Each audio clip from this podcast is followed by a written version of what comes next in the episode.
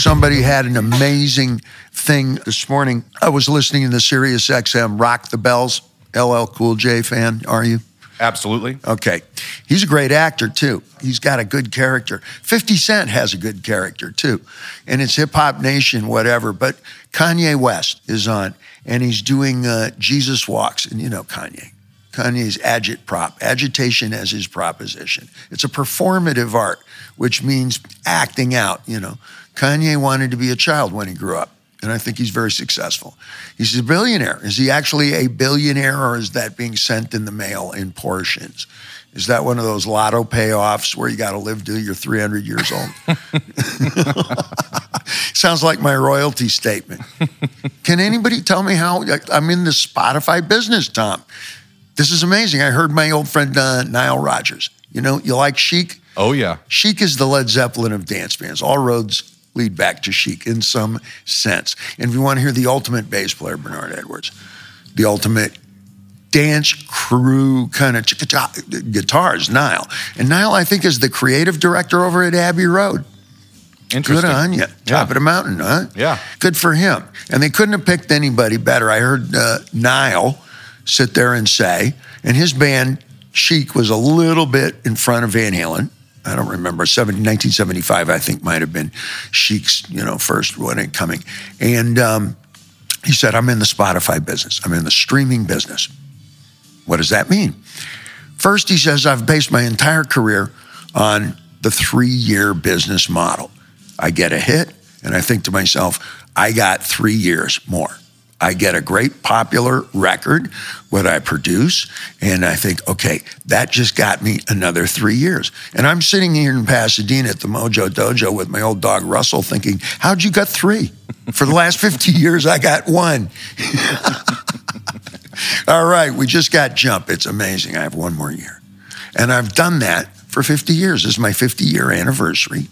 Van Halen started practicing and playing in uh, summer of 72, 73. And uh, we didn't have regular jobs at all because Eddie and I weren't old enough to play in the bars. You have to be 21. There were a couple of places, you know, Omar at the Crystal Palace and a couple other places where we would were allowed. Uh, this was the early 70s. Things were a little more elastic, and we would uh, be allowed to pull the amps out, sit behind the amps during the 15 minute break. You do regular nine o'clock. Uh, well, 9:15 is the first set. Hey, my name's David Lee Roth, and off we go. Every night was Battle of the Bands, which it also occurs to me because I've been thinking, you know, I'm only in the middle of my first retirement. How many retirements did Rocky have, Tom? You're a Rocky fan.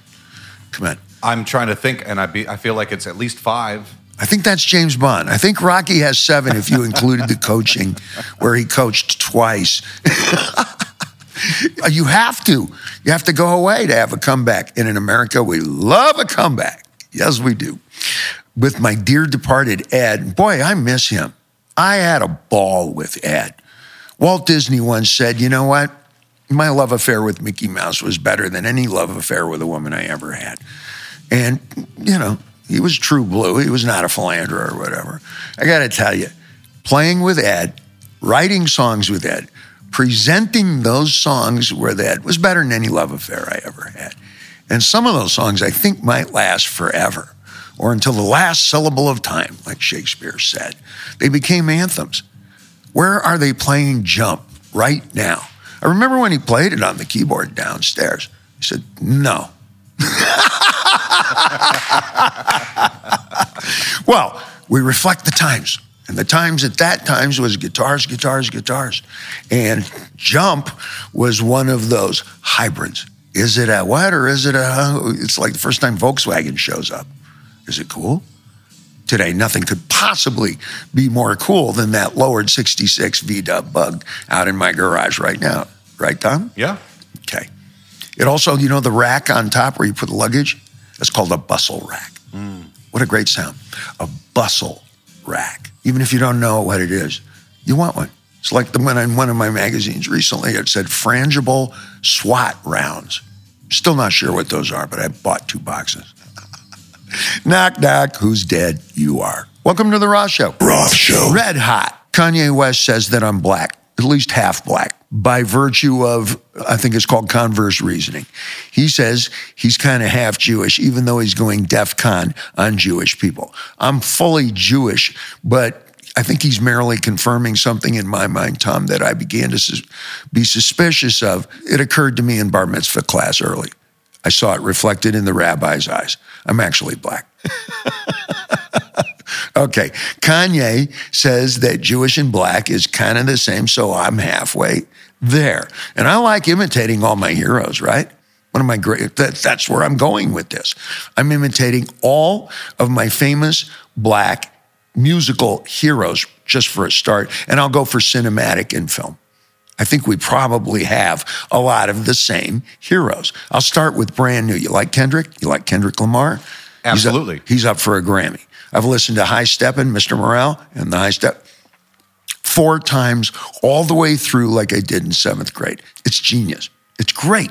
It's amazing. He's verged into theater. It's like cold reading from a novel. He's hard boiled. He's got the soft touch. He's dealing with every single pertinent, poignant, whatever. And I'm not even sure what poignant really means, but he's that too. I, I know it for absolute sure. Pusha T, that is really square down. And for a second, I had to reason out. To me, at my age, it's almost dry means a painting on canvas. But I also know what it also means. I think it's a crack reference. Push a ton is the actual name of the kid. Okay? A name is everything. I'm reading this. Pharrell, great production. By the way, Roth is Thor, spelled backwards almost. Hey, he dropped the N. I just switched the sequence. Welcome to the Roth Show. Don't go away. We'll chase you. We'll do a takedown. We'll change your sequence. Roth Show. Some of the cities around here sound like the names of people. Rowland Heights. What a great moniker for checking into the hotel, huh?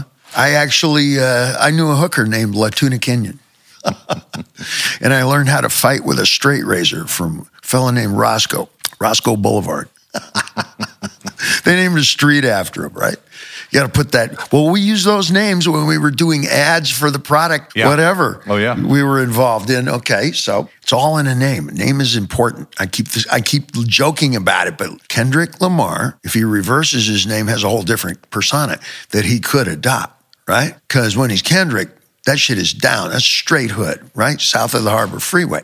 But uh, if you change it to Lamar, hi, the smooth sounds, I'm Lamar. it becomes a whole different thing. Kind of falls in with Bad Bunny. Have you heard Bad Bunny? Yeah. Doesn't matter if you're a fan or not. The minute that sound comes on, whoa, techno boom in the room, like we were using for uh, these last four Van Halen songs. The three big questions at every Starbucks: kind of music you playing? How's your voice? And I can see it in the uh, women's eyes. Are you still skinny? My shit is skinny. What they see is when I go to Starbucks and I stand in front, and they have the um, the sign, and it says uh, Salua Wasi Ethiopian, whatever coffee. It says Urbane International, rich. Well, I'm Urbane. I'm rich. but then it says over here Jamaican Blue, lively, dazzling, effervescent. I go, well, I'm, I'm kind of pretty fucking effervescent, right, Tom? Absolutely. So it takes me about 40 minutes always to say, Libra, let's make an indelicate house blend, which is what the California cooler is. Did we discuss once what the California cooler is? California cooler was when everybody swiped as much clear alcohol as you could possibly find and take it to the beach, and you literally poured it into a cooler, a Campways cooler, which if you if you put the back end up on some towels, you have that little dirty little plastic spigot, right? Mm-hmm. Coming out of the bottom. And this started in high school. This was 19 late 60s, 70s. And you would anything that's clear, rum, vodka, blah, blah, blah, blah, blah. You pour it all together into the cooler and chop fruit up or put fruit juices in. A really good technician who was expert at mixing it, which was always the guy who owned the pickup truck or the station wagon, would pull up and he'd be like what the equivalent today of a barista is, a mixologist. And he would know, well, I like to mix this kind of orange juice with some papaya. Ooh, this is different. What do you got? Well, there's a little mango. What do you, why you like mango? That's how he got laid. And you bring, and you would have towels. Really, I'm thinking of one specific fella. I don't remember his name. And he had beach towels that he would bring out and put so that the back of the cooler was up, and you, you never had any problem pulling that little spigot. And uh, he sold them in those red uh, plastic cups, but I don't remember them being plastic until yeah, it was right around then. And you bought the cup and you'd fill it up, and that's Camp Waste Cooler. Mixed crushed ice or ice cubes into it, and that way we were literally mixing gins and vodkas and rums and everything. But you know, it's like taste testing at the at the whiskey farm. Get three into fifteen, and it's like Patsy's Pizza. Come on, even it's all good, kid. You know. Stevie Wonder could walk in here, spin around three times, and put together something pretty wonderful. Take your time. it's the Roth Show, like Patsy's Pizza, but more like Stevie Wonder on roller skates in heavy turbulence. Don't go away. I got to put my skates on and chase you if you do. Roth Show. Around here, there's a pair of jungle skates somewhere. We started doing that in Van Halen when we were playing places that were animal seating, but 10,000 seaters like Maple's, Maple Leaf Gardens is actually a hockey rink with a lot of seats around it. They would put facing over the ice for basketball and that kind of thing. You saw it in one of those. Uh, there was one of those comedy movies. Who's the fella? It was about basketball, and he plays in Detroit in a small team, Semi pro. semi-pro. Yeah, Will Ferrell. Will Ferrell, I played every one of those buildings early. We followed Black Sabbath around and opened in all those buildings. We played with Journey and opened up in all of those buildings. And mostly we had no seats on the floor. We called it animal seating. You stand up and it's all cement floors. Well, I said at that was at the time it was roller skate time. It was roller disco but we're not roller disco. I said, why don't we play roller hockey? That was well known to have. And when we went to Maple Leaf Gardens, we all got Bauer skate boots from the store, which is right up the street from Hello Maple Leaf Gardens, which is used for kids training and everything in the days off and so forth. But we had them rigged with kryptonic wheels. A fella named Frank Nasworthy designed urethane wheels. He's a pool guy figured out a way to scrape the pools and when you would coat the pools with urethane because gunite shrinks. Maybe a little too much swimming pool technology, but you can't just dig the hole and lay cement. You got to put gunite so it kind of moves with the earth, which kind of changes. At that time, you would cover it or paint it with cancer causing, I'm sure, lethal, carcinogenic, raw urethane. And the fella's name was Frank Nasworthy. And one day he said, you can, you can make wheels out of this. You can make a lot of things out of this. All right, you make a mouthpiece out of that, so to speak. And he did. And I, I don't remember, we used Kryptonics, great big thick skateboard wheels. And that's what we put on the bottoms of our hockey boots. And the Bauers go up and over, and we had jungle boots and we installed jump bars because evidently we found out there's competitions like jumping over boxes, jumping over high hurdles like horse jumping, whatever, on roller skates. And if you put a bar in between the trucks of your skateboard, I'm sure skateboarders do this, you can slide down rails, you can go downstairs, you can go through all the dirt and gravel. Gravel bikes today utilize the same principle. Bigger, fatter tires, better suspension, man, you can see these bikes here. These are off road bikes, e road bikes, and uh, they're a lot like uh, Beyonce bouncing front, bouncing back. Shut up, Tom. Vulgar, but never at the expense of personal charm. But sometimes, Roth Show. Roth Show. I saw half the world on those skates. That's all we could afford to pack away in our luggage because I couldn't afford to take bicycles. Off road skating.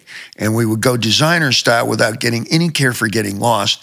When we did get lost, which was inevitable and intentional, you call the hotel because they're all Van Halen fans and they send out the cleaning crew or the engineering guys or the parking dudes in one of the hotel laundry vans or trucks.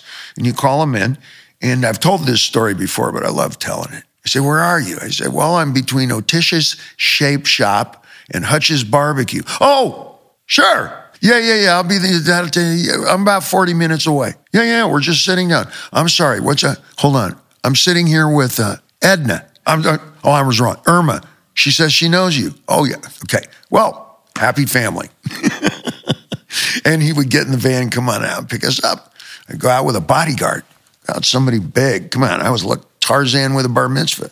You remember back when my haircut was still alive? I didn't look like I came from anywhere planetary. That got me in everywhere.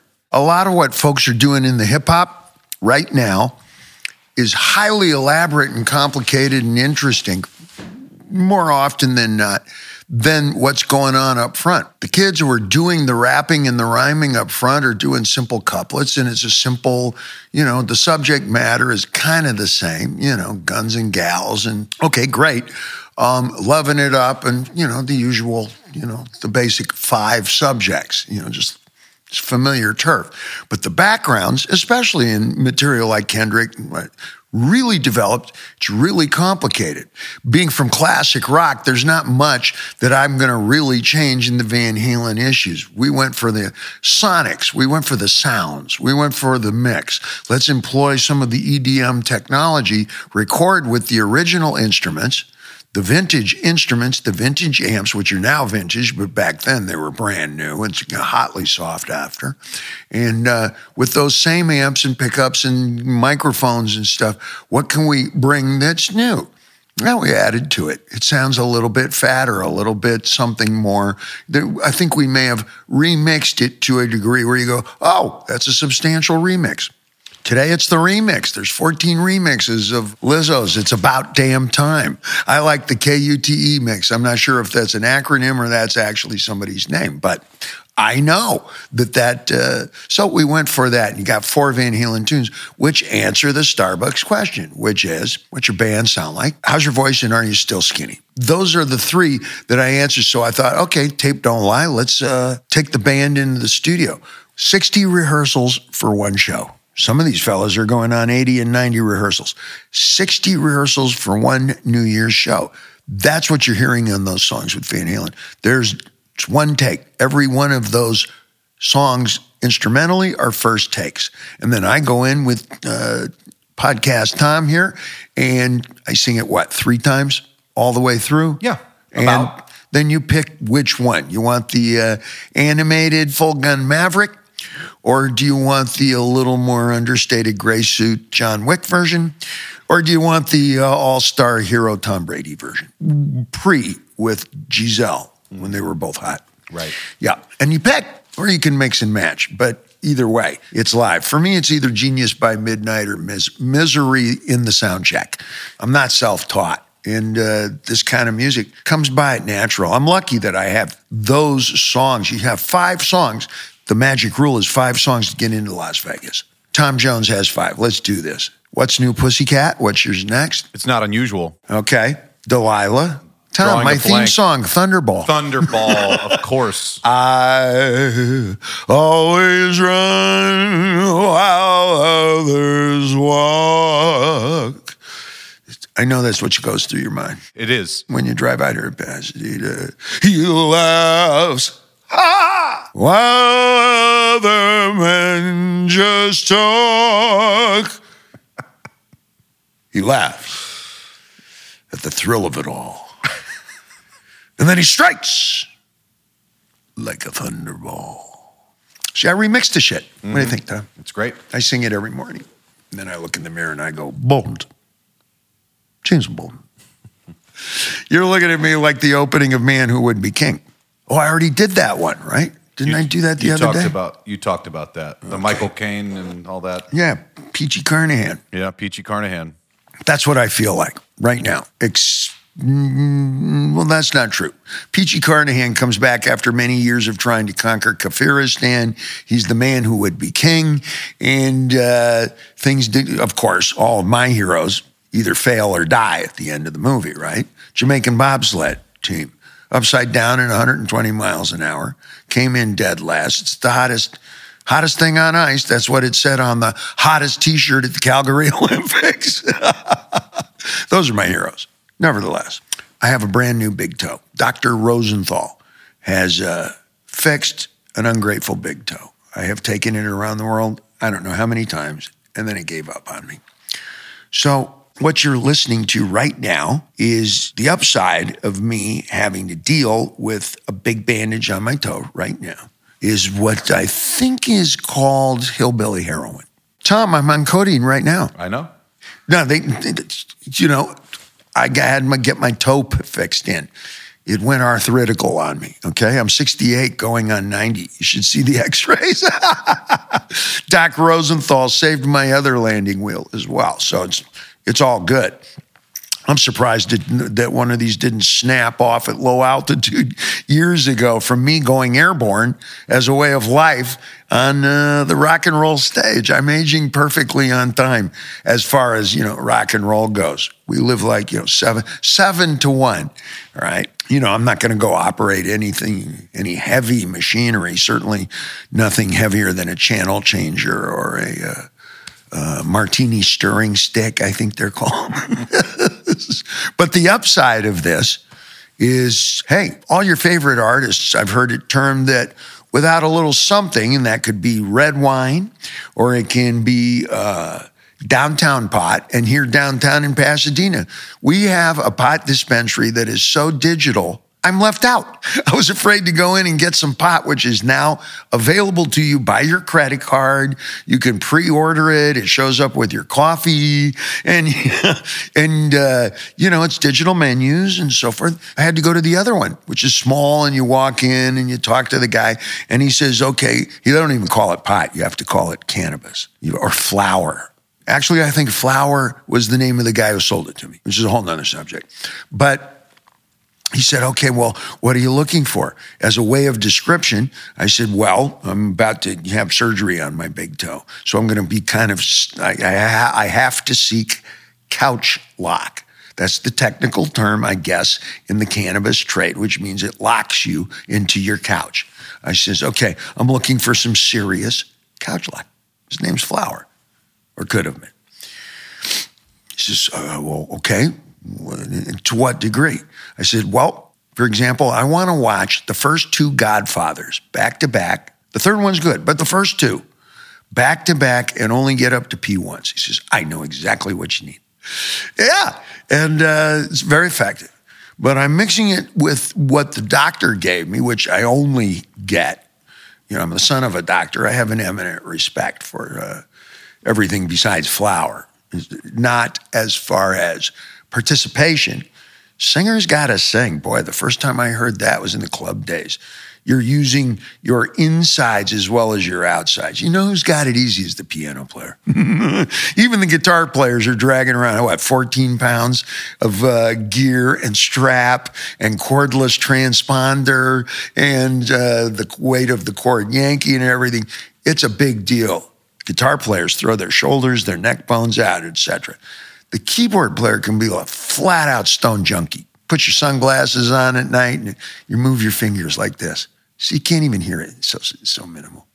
Me, everybody can imitate me, especially after three shots of Patron. Okay.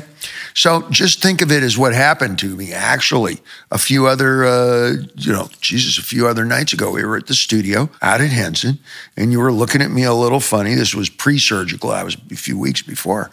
And uh, Tom said to me, Dave, you look a little uh, like you're, you look ebullient. You look like you're having a good time in there. Just, but uh, a, a, bit nonlinear. What happened? I said, oh, well, it's getting cold. We just had daylight t- savings time change. And here it's really dark when I get up, you know. And uh, I got up in the dark and I thought I took two Advil and a glass of water. And I accidentally, you know, like getting dressed in the dark, I actually, uh, I took two painkillers and three shots of Patron. And that's why my socks don't match. My lawyer says I can't remember some of the other story. I misspoke. I'm going to run for office. Actually, hold on, there's a guy at the door with a hammer. I just have to run, like in general. Today, they, Tom, I listen to all the channels. I love Fox Nation. I love MSNBC. I listen to Cavuto. I listen to Rachel. I listen to the BBC. I listen to Bloomberg whatever. It's like 1930s. I sit, I draw, I paint, I do, you know, whatever it is I do, but I have all those on variously. I'm ping ponging back and forth. Today, when it says it, are you going to run? It means four things. Yeah, I'm going to run for office. And then ultimately, if I'm successful, I'll end up running from a guy with a ball peen hammer. All right. Don't try and comedy, Try and run my pocket. It's a good term, right? It's a hip hop term.